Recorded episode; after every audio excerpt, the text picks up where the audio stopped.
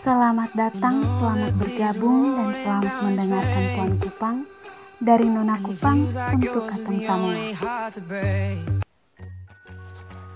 Halo teman-teman Puan Kupang, hari ini gue mau bahas tentang kekerasan verbal. Uh, biasanya ketong perempuan tahu bahwa kekerasan tuh hanya berupa kekerasan fisik saja. Jadi pas ketong kena pukul atau dapat siksa, itu baru ketong sebut kekerasan.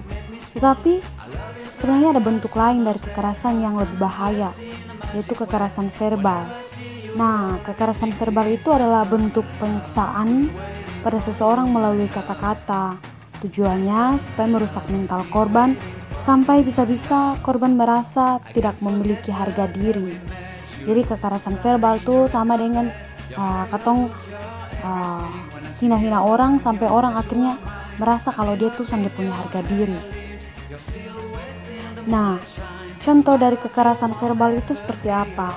Misalnya ada ketong ke teman, pasangan, atau keluarga yang hina ketong dengan kata-kata kasar, misalnya bodoh, murahan, pokoknya kata-kata kasar lah atau teman-teman pernah dengar kesukaan orang bilang begini, Ih memang perempuan murah dapat pakaian tak buka semua.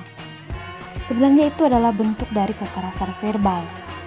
Ketong tahu bahwa mungkin seseorang depo cara pakaian tuh kurang baik, tetapi ada cara lain untuk ketong kasih tahu, bukan dengan cara ketong melontarkan kata-kata seperti itu.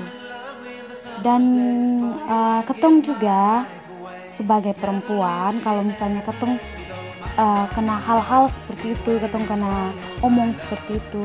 Yang pertama uh, ketong harus kasih uh, cegah.